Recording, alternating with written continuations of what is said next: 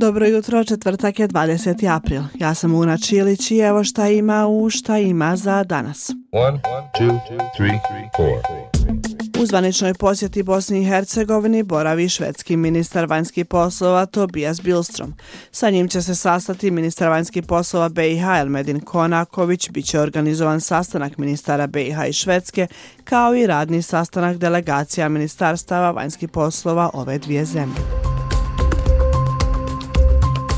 Večeras u 7 sati u Sarajevskom kinu Meeting Point bit će održana projekcija filma Reakcija mizoginija u digitalnom dobu.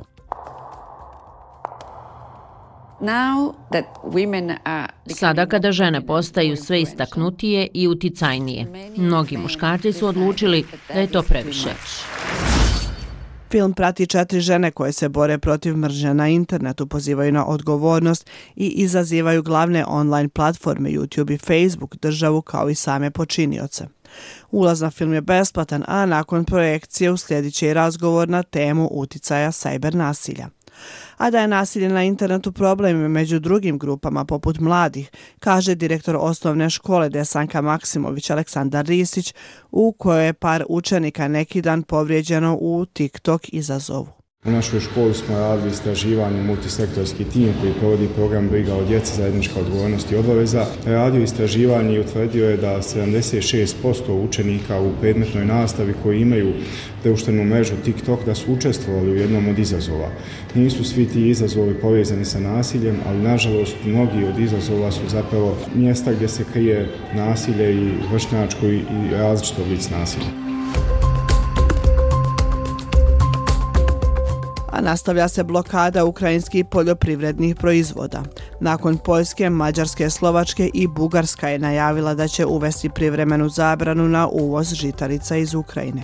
Zemlje su to uradile kako bi zaštitile lokalni poljoprivredni sektor nakon što su jeftine žitarice i prehrambeni proizvodi iz Ukrajine oborili cijene. Evo što o tome kaže bugarski premijer Galab Donev. Основната причина е, че през последната година... Glavni razlog je to što je u protekloj godini, suprotno planu za takozvane koridore solidarnosti, značajna količina hrane ostala u zemlji i poremetila glavne proizvodne i trgovinske lance. Ako se ovaj trend nastavi, pa čak i pojača, moguće je da će doći do izuzetno ozbiljnih posljedica za bugarske biznise.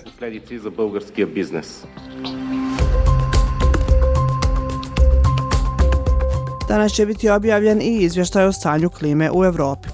Izvještaj pruža detaljnu analizu protekle kalendarske godine.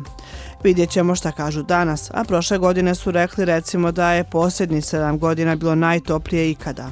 U Evropi je tokom 2021. godine zabilježeno i najtoplije ljeto ikada, a na jugu kontinenta zabilježeni su najintenzivniji požari u zadnjih 30 godina. One, two, three, To bi bilo to za danas. Ja sam Una Čilić, ovo je bio podcast Šta ima. Pronađite nas sutra na istom mjestu. Ćao.